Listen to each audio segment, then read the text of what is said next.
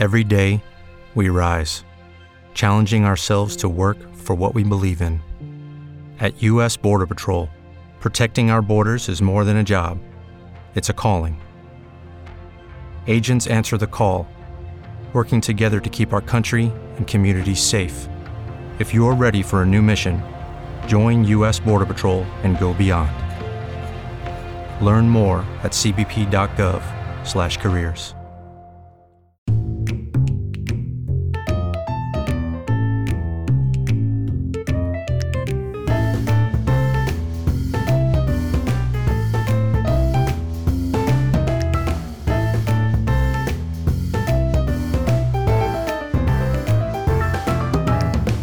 Cześć, witam Cię na kolejnym odcinku podcastu Opór jest daremny, nadchodzi AI. Cieszę się bardzo, że coraz więcej mam stałych słuchaczy mojego podcastu. E, mam nadzieję, że faktycznie treści, które Wam staram się tutaj zebrać, są na tyle interesujące, że będziecie wracać i słuchać kolejnych odcinków. E, bardzo się cieszę z jednego też komentarza. Mój podcast był porównany do e, sądy programu przed lat, który był bardzo ciekawy, który faktycznie pokazywał nam nowości w bardzo fajny sposób. E, cieszę się bardzo z tego porównania, aczkolwiek zdaję sobie z tego sprawę, że e, pułap, jaki jest sądy, jest nie do osiągnięcia dla zwykłych śmiertelników, e, ale będę się starał, żeby było faktycznie ciekawiej, żebyśmy mogli poznawać technologię, naukę w tych obszarach, w których ona jest bardzo mocno skorelowana ze sztuczną inteligencją, a faktycznie tych tematów jest bardzo dużo. Idąc tym zainteresowaniem, wpadłem na pomysł, że na moim profilu społecznościowym z jednych portali umieściłem ankietę. Ankietę, w której chciałem zobaczyć, co w pierwszej kolejności y, moich odbiorców może zainteresować y, w ramach tego podcastu. No i blisko 75% osób zagłosowało na podcast pod tytułem AI w biznesie. No to takie są życzenia, nie ma sprawy. Zaczniemy sobie opowiadać o AI w biznesie. AI w biznesie jest bardzo ciekawym tematem, ponieważ wszędzie słyszymy, że dane są tym, tą ropą naftową współczesnych czasów, słyszymy, co się dzieje z danymi jak możemy podlegać jakiejś manipulacji, co się dzieje z tymi danymi z tej perspektywy. E, o tym sobie też kiedyś poopowiadamy. Dzisiaj skupmy się na tym, jak sztuczna inteligencja może mieć, znajdować swoje zastosowanie w biznesie. W biznesie, i tutaj musimy poznać no, z kilku perspektyw. Pierwsza perspektywa to z całą pewnością to są tak zwane smart produkty, czyli produkty, które mają pewną inteligencję, e, pewne elementy, które możemy wykorzystać ze sztucznej inteligencji, żeby podwyższyć wartość naszego produktu. Czyli albo zwiększamy e, wartości, jakie produkt daje sam w sobie, rozszerzając je o dodatkowe elementy, albo druga rzecz, która jest, to sprzedajemy po prostu opakowane rozwiązanie wywodzące się z obszarów sztucznej inteligencji. Patrząc w ten sposób, możemy znaleźć bardzo dużo zastosowań, chociażby takie produkty jak samochód. Samochód e, kiedyś był urządzeniem całkowicie mechanicznym, potem nastały tam czasy elektroniki, gdzie w ramach tej elektroniki pojawiło się coś, co nazywamy komputerem. Ten komputer był e, bardziej taką inteligentniejszą automatyką, ale nie miał jeszcze sztucznej inteligencji. Od jakiegoś czasu obserwujemy coraz więcej elementów, które tak naprawdę wykorzystują sztuczną inteligencję, czyli chociażby to rozpoznawanie znaków drogowych, analiza obrazu, analiza jakichś danych e, z radarów. To wszystko powoduje, że wykorzystujemy sztuczną inteligencję w przedmiotach użytku tak naprawdę codziennego, jakim jest samochód. Kolejna rzecz to mogą być po prostu roboty. Robot, który wspominałem w tym odcinku dotyczącym robotów trochę więcej. Robot chociażby z Boston Robotics, który potrafi rozpoznawać rodzaj kartonu i odpowiednio go umiejętnie chwycić, żeby go gdzieś przełożyć czy, e, czy postawić na półce, to mogą być urządzenia mm, takiego, takie zwykłego użytku domowego, jak chociażby, nie wiem, pralka, ekspres do kawy, które się coś uczą od nas na podstawie zbieranych danych, informacji, są w stanie zareagować czy pewne czynności robić. E, no i oczywiście doszliśmy w ten sposób do inteligentnego domu. Inteligentny dom, który coraz częściej wstawiamy mechanizmy, które na podstawie zachowań mieszkańców czy osób znajdujących się tym pewne czynności wykonują. Czyli na przykład rozpoznawanie osoby, rozpoznawanie jakichś przyzwyczajeń, takich rzeczy, które spowodują to, że ten dom będzie bardziej efektywnie e, wykorzystywany, ogrzewany, czy jakiekolwiek inne rzeczy w nim realizowane. E, to wszystko są takie zastosowania, którymi się spotykamy na co dzień, ale też w życiu takim biznesowym. Pracujemy, robimy prezentacje w PowerPoincie, nagle PowerPoint nam może zarekomendować jakieś ułożenie, takie rzeczy. To też są algorytmy właśnie z obszaru uczenia maszynowego wykorzystywane w takim działaniu. Czy robimy OCR-a, czyli szczytywanie tekstu z jakiejś skanu, z jakiejś kartki i ten tekst się pojawia w naszym jakimś edytorze, e, albo po prostu tłumaczenie. Wszędzie to są takie zastosowania biznesowe, czyli produkty, które dostarczamy, sprzedajemy w cudzysłowie wykorzystujące sztuczną inteligencję. To jednak nie jest e, sedno e, tego podcastu. W tym odcinku chciałbym się skupić bardziej na wykorzystaniu AI w biznesie w rozumieniu takim albo automatyzacji procesu, albo tak zwanych data-driven organization, czyli organizacje, które e, zbudowane są tak naprawdę na danych. Organizacje, które w których podejmuje się decyzje w oparciu o informacje i wiedzę znajdujące się w danych. Obszar ten jest bardzo fascynujący, bo tak jak wiecie dobrze, że interesuje się sztuczną inteligencją, to zawodowo na co dzień właśnie od blisko ćwierć wieku wydobywam tę informację i wiedzę z danych e, naszych klientów. Niesamowite możliwości daje to. E, po pierwsze, właśnie proces automatyzacji, jak i właśnie zmiana organizacji, filozofii zarządzania i podejmowania decyzji. E, Gartner to określa mianem ewolucji analitycznej od, od analityki takiej prostej, tak zwanej deskrypcyjnej, czyli opisowej, która pozwala nam zobaczyć, co się stało historycznie w jakichś elementach, przez analitykę diagnostyczną, gdzie widzimy pewnego rodzaju parametry, które pokazują, jak nasze procesy się odbywają, co się dzieje itd., tak itd., tak przez analitykę właśnie bardziej zaawansowaną, czyli analitykę predykcyjną i preskrypcyjną. Analitykę, która pozwala nam zrozumieć trendy i to, co się wydarzy w przyszłości, oraz analitykę, która dochodzi do takiego momentu, że wybieramy najlepszą ścieżkę takiego działania. Czyli mam tutaj na, myśli właśnie analitykę preskrypcyjną, która pozwala nam wybrać y, co, w wariantach, co by było gdyby, albo właśnie przewidując pewne rzeczy, optymalizując, co jest najlepszym rozwiązaniem. Oczywiście same dane nie wystarczą. Musimy mieć te narzędzia, które bardzo często to są właśnie mechanizmy związane ze sztuczną inteligencją. Wracając do automatyzacji, tutaj bardzo często możemy sięgnąć po kilka tak naprawdę obszarów rzeczy, które możemy z, po prostu zautomatyzować. Pierwsza rzecz i taka najbardziej spektakularna z perspektywy człowieka, czyli komputer, który jest w stanie e, działać w sposób poznawczy na obraz. Czyli mam dane z kamery, z kamery na podczerwień, e, z rybiego oka, z jakich różnych urządzeń, które tak naprawdę przetwarzają obraz i ja na podstawie tego wykonuję jakieś działania. Co to może być? To mogą być zastosowania takie bardziej związane z bezpieczeństwem, y, czy to wręcz z BHP, czy z przepisami, które obowiązują, czyli na przykład analiza jakiegoś terenu, czy nie występuje człowiek tam, gdzie nie powinien być, czy na przykład ludzie mają kaski, bo powinni być ubrane w kaski. Różnego rodzaju takie, tego typu zastosowania, gdzie możemy faktycznie przez analizę obrazu rozpoznać pewne elementy, które są z tym związane. Może to nie dotyczyć ludzi, ale na przykład in, infrastruktury czyli rura, że mamy jakiś wyciek, jakieś działanie, które coś wskazuje niebezpiecznego. Mogą to być y, analizy obrazu dotyczące zdarzeń pogodowych, czyli na przykład, nie wiem, przerwanie y, jakiegoś zabezpieczenia. Może to być chociażby jakaś tama na, na rzece. Mogą to być, nie wiem, wulkany, jakiekolwiek inne rzeczy, które przy użyciu właśnie analizy obrazu jesteśmy w stanie zdiagnozować, że taka sytuacja występowała. Z perspektywy takich procesów biznesowych możemy sobie wyobrazić zastosowanie sztucznej inteligencji właśnie do przetwarzania obrazu, chociażby w ocenie jakości produktów, e, rozpoznawania jakichś konkretnych obiektów, tak jak wspomniany robot, o którym troszeczkę mówiłem wcześniej albo w poprzednim odcinku.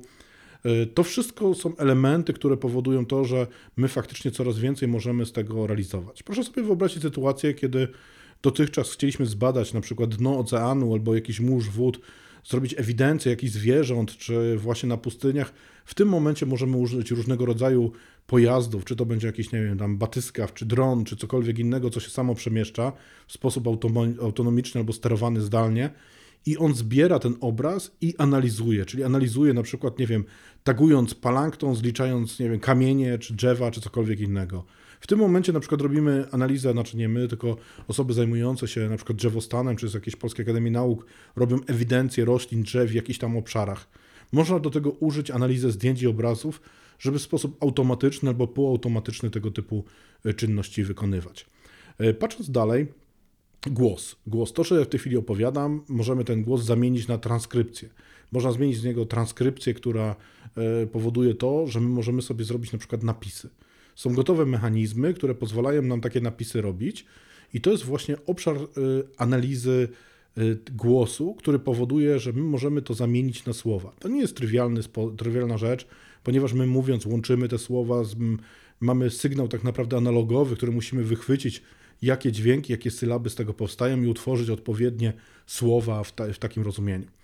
I jak już to, w ten obszar wchodzimy, to zwróćcie uwagę, że też możemy szukać rozpoznawania speakera, czyli rozmawiają dwie, trzy osoby ze sobą i zrobić transkrypt, ale żeby jeszcze rozpoznawać, że to mówi inna osoba. Mając już ten transkrypt, wchodzimy w coś takiego, co nazywamy e, naturalne przetwarzanie języka naturalnego, NLP w skrócie z języka angielskiego. Jest to cały obszar nauki, e, podobszar tak naprawdę sztucznej inteligencji, który pozwala zastosować przetwarzanie tekstu do celów biznesowych. Czyli my jesteśmy w stanie zrobić jakąś notatkę, my możemy z tego wyciągnąć jakieś e, informacje dotyczące sentymentu, czyli jaki jest emocjonalny stosunek do tej wypowiedzi, czy to jest radość, czy to jest złość, czy to są jakieś wulgaryzmy, czy cokolwiek to innego jest. Możemy sobie się pobawić w wyciąganie e, jakichś obiektów nazwanych, czy nazwy to są jakieś, nie wiem, miast, ulic, czy czegokolwiek innego. Możemy wyciągnąć z tego tak zwane encje i intencje, czyli o czym mówimy i jaka jest intencja naszej wypowiedzi. I to jest pierwszy krok do zrozumienia tak naprawdę, o czym jest ta rozmowa. Mając intencje i encje, możemy przejść do kolejnego zastosowania tak naprawdę biznesowego sztucznej inteligencji. Otóż boty i voiceboty, czyli mechanizmy, którym jest, przy, których przy użyciu albo komunikacji głosowej, albo komunikacji znakowej możemy pewne czynności automatyzować czy zastępować powiedzmy rolę człowieka. Historia botów jest mega ciekawa, ona sięga już kilkudziesięciu lat. E, o tym planuję też w oddzielnym odcinku w ogóle szczegółowo opowiadać, bo sama historia botów, do tego jak one dochodziły, do tego jak one coraz lepiej rzeczy rozumieją, jakie zagrożenia albo niespodzianki wyszły w trakcie prac badawczych nad tymi elementami i to, do czego doszło, mając TRFT do dyspozycji asystentów, myślę, że też jest na tyle ciekawe, żebyśmy sobie o tym oddzielnie e, porozmawiali. Ale miejmy to na uwadze w tej chwili jakby tylko i wyłącznie aspekt biznesowy, czyli to, że możemy wykorzystać te rzeczy właśnie w naszym biznesie. Teraz wróćmy bardziej do, tych, y, do tego wykorzystania sztucznej inteligencji w kontekście przetwarzania tych danych, tych danych, które faktycznie mówi się, że to jest ta ropa XXI wieku, ale dane w, z mojej perspektywy i myślę, że y, z większości z Was, w momencie, kiedy one tylko i wyłącznie są danymi, one są naszym kosztem. To nie jest wartość biznesowa, dopóki nie zaczniemy wyciągać informacji i wiedzy z tych danych. Otóż, jakbyśmy chcieli z tego korzystać, to to właśnie wtedy wchodzimy w ten aspekt procesu decyzyjnego, czyli człowiek podejmuje decyzję w oparciu o informacje znajdujące się w danych albo pewne aspekty, które jesteśmy w stanie zrealizować, czyli predykcje, przewidzieć pewne rzeczy, albo wręcz preskrypcje, czyli zoptymalizować ten proces i dać rekomendacje najlepszego postępowania. I właśnie dochodząc znowuż do preskrypcji, czyli do tych elementów, gdzie ja wybieram, co się wydarzy i co najlepiej zrobić, żeby coś mogło e, się wydarzyć, to to jest moment, gdzie możemy pewne procesy zautomatyzować. I zaraz to odniesiemy do konkretnych przykładów. Pierwszy przykład taki e, no, bardzo oczywisty wręcz, to są właśnie zastosowania predykcyjne, czyli budowanie różnego rodzaju modeli. To mogą być modele wykorzystujące modele statystyczne, uczenia maszynowego, uczenia maszynowego głębokiego, czyli to są te rzeczy, które pozwalają nam przewidzieć, co się wydarzy, czyli przewidzieć sprzedaż, e, przewidzieć zapotrzebowanie, przewidzieć jakieś działania, których, których mamy historię albo jakieś elementy, na podstawie których możemy to zbudować. Czyli zastosowanie to zajmuje, znajduje zarówno w prognozowaniu i planowaniu sprzedaży, jak i też zapotrzebowania, czy wręcz całego łańcucha dostaw, gdzie już bardziej wchodzimy w elementy również optymalizacyjne, żeby ten łańcuch dostaw najbardziej optymalnie pod kątem konkretnych planów zrealizować. Kolejna rzecz to jest wyszukiwanie pewnego rodzaju wzorców albo asocjacji, czyli związków pomiędzy danymi. E, typowe zastosowanie takiego działania to jest albo badanie w ogóle jakichś sieci społecznościowych czy tego typu aspektów, albo coś, co jest, e, no myślę, że ważne dla każdego z nas z perspektywy tego, jak nas badają sklepy, z którymi mamy do czynienia, to jest analiza koszyka, czyli koszyk sprzedażowy, który pozwala bardziej optymalnie budować promocje, reklamy, czy takie rzeczy, które powodują to, że użytkownik albo więcej kupi z jakiegoś powodu, albo, z, albo mu podsuniemy takie rzeczy, które by nie kupił, ale to wystymuluje sprzedaż jakichś kolejnych elementów. Badanie koszyka jest bardzo ważnym elementem z perspektywy właśnie biznesowej. Czasami się bada tak zwany antykoszyk, czyli artykuły, które nigdy by się ze sobą nie spotkały w cudzysłowie. I to są te rzeczy, które badamy właśnie w kontekście danych sprzedażowych. Kolejne takie szerokie, szerokie zastosowanie e, sztucznej inteligencji w biznesie to jest różnego rodzaju segmentacja i klasyfikacja. Segmentacja to jest taki proces, w którym my mówimy o tym, że mamy jakieś dane, mamy dane na przykład sprzedaży, naszych klientów, sklepy, e, e, czy jakichś partnerów, dystrybutorów i chcemy je podzielić na pewne grupy. Pewne grupy, które się mają jakieś wspólne cechy i bardzo często to są cechy, w których my nie wiemy, co jest wspólnego z tymi elementami. Bierzemy na przykład, zbieramy dane dotyczące geolokalizacji, jakichś punktów, e, nie wiem, że w pobliżu jest warsztat samochodowy, e, kościół czy cokolwiek innego i zaczynamy dokonywać segmentacji sklepów właśnie w kontekście sprzedaży, żeby zrozumieć, które sklepy są, są do siebie podobne, czy jak to wygląda z perspektywy takiego, takiego działania. E, to jest jeden, jeden z tych tematów. Drugi temat bardzo ważny to jest element związany z z segmentacją e, na przykład naszych klientów, czyli cech zachowań klientów, opisów klientów, tych, które, które znamy. Mogą to być sklepy nasze własne, gdzie też mamy charakterystykę, opis każdego z tych elementów i chcemy je razem pogrupować z perspektywy takiego działania. Mówiąc o klientach, możemy też wejść w zagadnienie klasyfikacji, czyli mamy historię klientów, których rozumiemy, które, z którymi mieliśmy do czynienia i których wiemy, jak się zachowują, i mamy grupę klientów, które tak naprawdę mogą być klientami potencjalnymi naszymi. Teraz, żebyśmy wiedzieli, do których osób, do których e, firm warto dotrzeć, no to używamy różnego rodzaju mechanizmów, na przykład klasyfikacji. I w ten sposób z segmentacji i klasyfikacji przeszliśmy bardzo blisko do e, elementu, który się nazywa profilowanie. Profilowanie, czyli element taki, którym mamy zarówno e, produkty, jak i, nie wiem, reklamy, jakieś elementy, które zbieramy, czyli na przykład historię aktywności użytkownika, różne rzeczy, które tak naprawdę realizujemy wobec E, naszych e, klientów, albo klienci zostawiają nam przy użyciu, nie wiem, programów lojalnościowych, czy historii wyszukiwań, czy czegokolwiek innego, my możemy określać, zbudować pewne profile, profile, które mogą być profilami behawioralnymi, to mogą być profile różnego rodzaju innego, gdzie my określimy naszego klienta bądź grupę klientów, jakimi cechami wspólnymi się one łączy. Mając taką wiedzę o grupie klientów bądź o kliencie, jesteśmy w stanie lepiej proponować mu produkty, czy też formę produktów, lepiej e, udostępnić mu, nie wiem, interfejs, e, reklamę, która go spotyka, czy może też dobrać bardziej, stosowny, bardziej stosowną formę kontaktu, jaka może być. E, idąc tak dalej od strony klienta, dochodzimy do kolejnego zastosowania, którym jest tak zwany churn analysis. Churn analysis to jest taka analiza, którą wykonujemy pod kątem ewentualnego o, możliwego odejścia klienta od, od nas.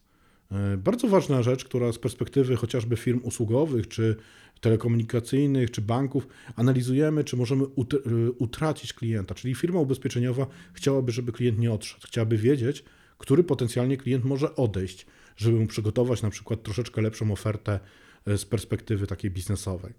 E, kolejne zastosowanie Churn Analysis to może być też analiza pracowników, szczególnie w firmach, w których ta rotacja jest bardzo duża. To dotyczy firm logistycznych, e, firm produkcyjnych, może to dotyczyć, nie wiem, jakiś call center, gdzie rotacja pracowników jest bardzo duża i zatrudniając pracownika, obserwując jego zachowania, chcielibyśmy przewidzieć mo możliwe odejście pracownika od nas, co oczywiście jest bardzo dużym kosztem i niemile widziane z perspektywy organizacji.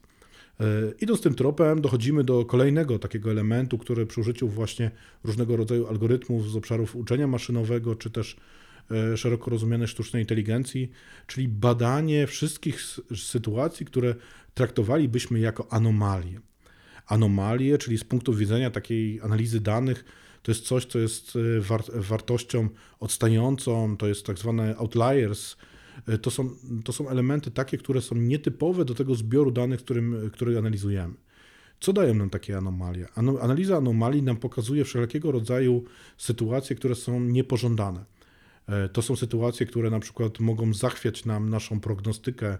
To są sytuacje, które powodują to, że e, to może być świadczyć o jakiegoś rodzaju nadużyciu, czyli jakieś fraudy. To mogą być jakieś sytuacje, które mówią nam o awariach albo zbliżających się awariach.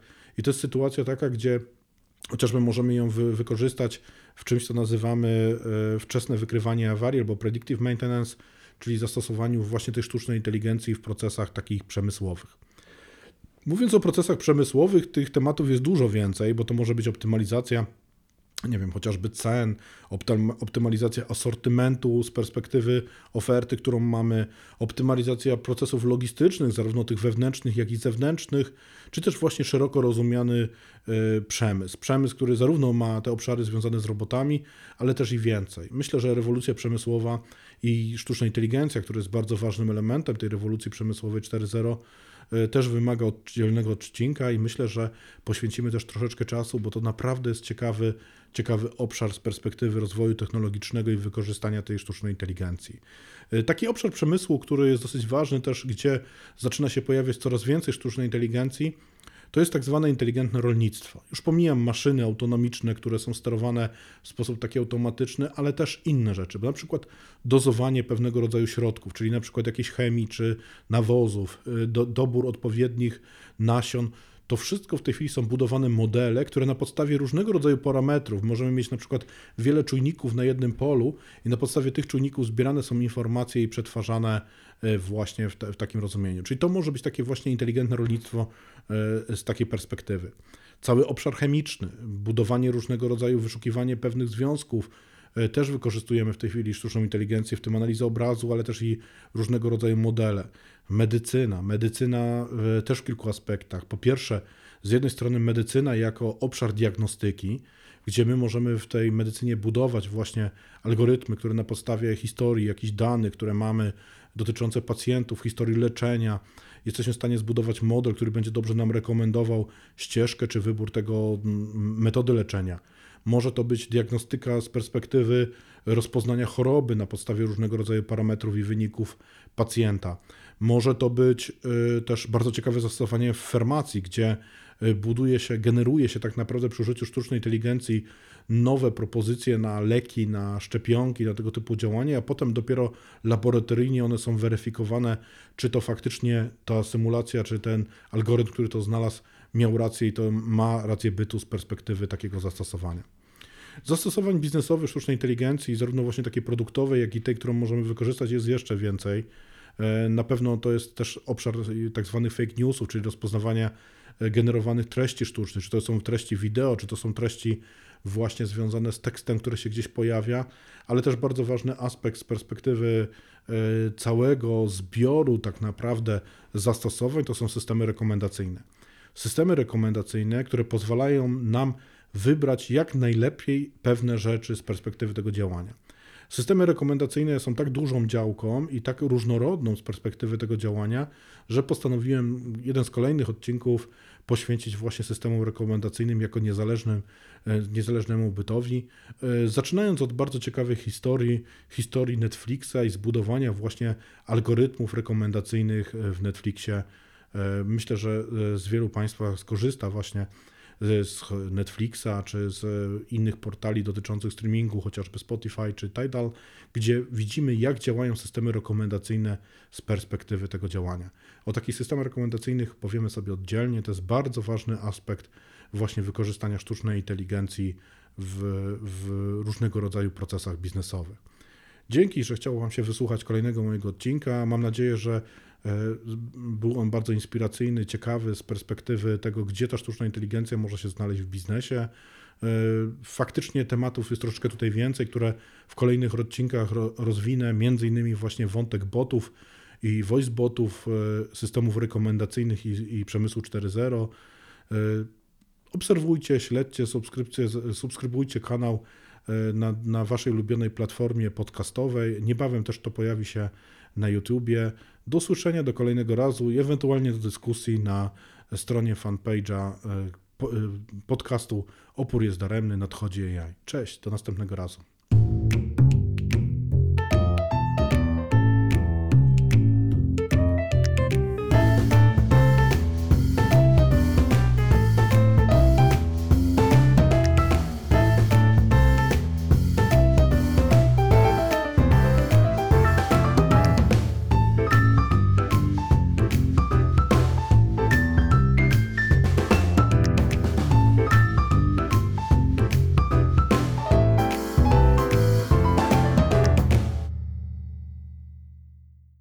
Hello, it is Ryan, and I was on a flight the other day playing one of my favorite social spin slot games on chumbacasino.com. I looked over the person sitting next to me, and you know what they were doing? They were also playing Chumba Casino. Coincidence? I think not. Everybody's loving having fun with it. Chumba Casino is home to hundreds of casino style games that you can play for free anytime, anywhere, even at 30,000 feet. So sign up now at chumbacasino.com to claim your free welcome bonus. That's chumbacasino.com and live the Chumba life. No purchase necessary. VGW Group. Void were prohibited by law. See terms and conditions. 18 plus. With Lucky Land slots, you can get lucky just about anywhere. Dearly beloved, we are gathered here today to. Has anyone seen the bride and groom? Sorry, sorry, we're here. We were getting lucky in the limo and we lost track of time. No, Lucky Land Casino, with cash prizes that add up quicker than a guest registry. In that case, I pronounce you lucky. Play for free at LuckyLandSlots.com. Daily bonuses are waiting. No purchase necessary. Void where prohibited by law. 18 plus. Terms and conditions apply. See website for details.